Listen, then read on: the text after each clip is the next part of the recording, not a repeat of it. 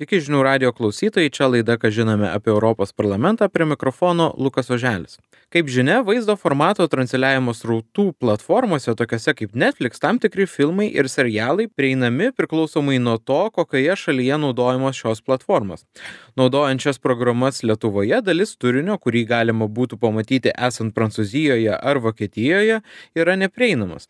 Tai lemia taip vadinamas geografinis blokavimas. Jis reiškia, jog interneto turinio tiekėjai gali neleisti vartotojams iš tam tikrų regionų naudotis dalimi turinio. Pasak ES, ši praktika yra diskriminacinė bei paneigia ES bendrosios rinkos principą, todėl dar 2018 metais šalių blokas priėmė reglamentą, kurio draudžiama vartotojus diskriminuoti pagal jų pilietybę ar gyvenamąją vietą. Tiesa, tą kartą buvo palikta išimtis paslaugoms, kurioms galioja autorių teisų apsauga, pavyzdžiui, elektroninėms knygoms, muzikai ar žaidimams, taip pat garso ir vaizdo paslaugoms. Visgi praėjusią savaitę vykusioje plenarinėje sesijoje Europos parlamentas planavo šią išimtį panaikinti.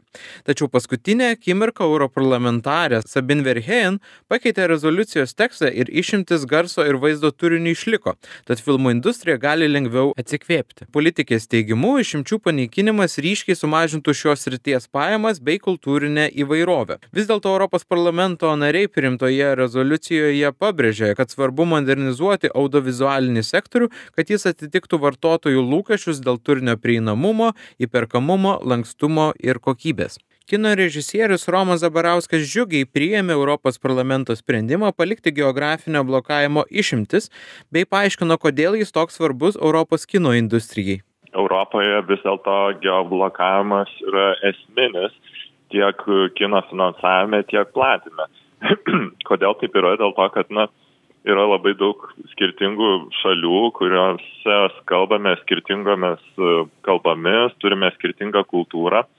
Na ir kiekviena ta šalis puoselėja savo kino kultūrą. Ir na, vis dėlto Europoje daugelis filmų vienaip ar kitaip sulaukia na, ir valstybės paramos.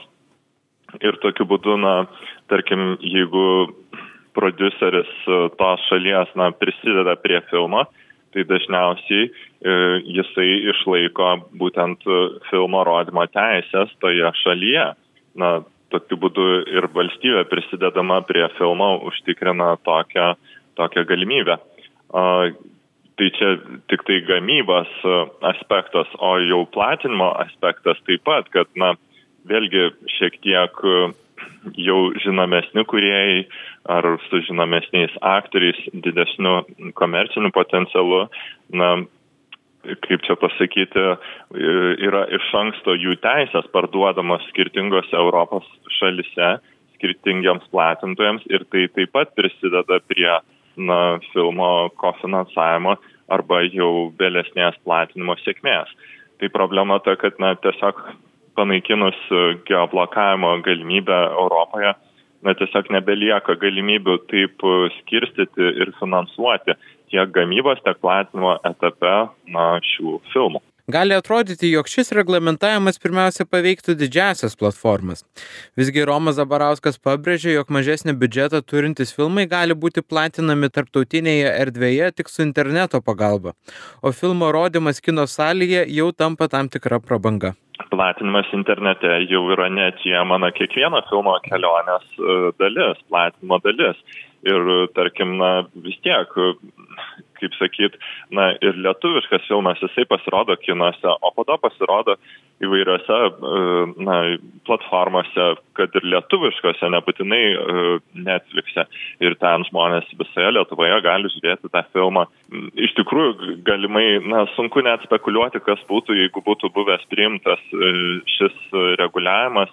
Dėl to, kad taip, iš tiesų galbūt tada daug filmų, na, nepasirodytų internete, tačiau irgi reikia suprasti, kad na, ypač mažesni filmai kartais e, sugeba užsitikrinti platinimą tarptautinį būtent tik tai internete, dėl to, kad jisai na, reikalauja mažiau kaštų, o platinimas kino teatruose na, tai yra savotiška ir prabanga jau netgi. Kino režisieriaus teigimu, geografinis blokavimas leidžia konkuruoti su Hollywoodo filmais bei išlaikyti Europos kino meninę vertę. Tai vis dėlto Europos kino industrija na, yra paremta didelė dalimi valstybės finansavimu Ir, na, reikia pasakyti atvirai, na, tai yra tam tikra alternatyva būtent Hollywoodo kinui ir anglakalbio kino dominavimui.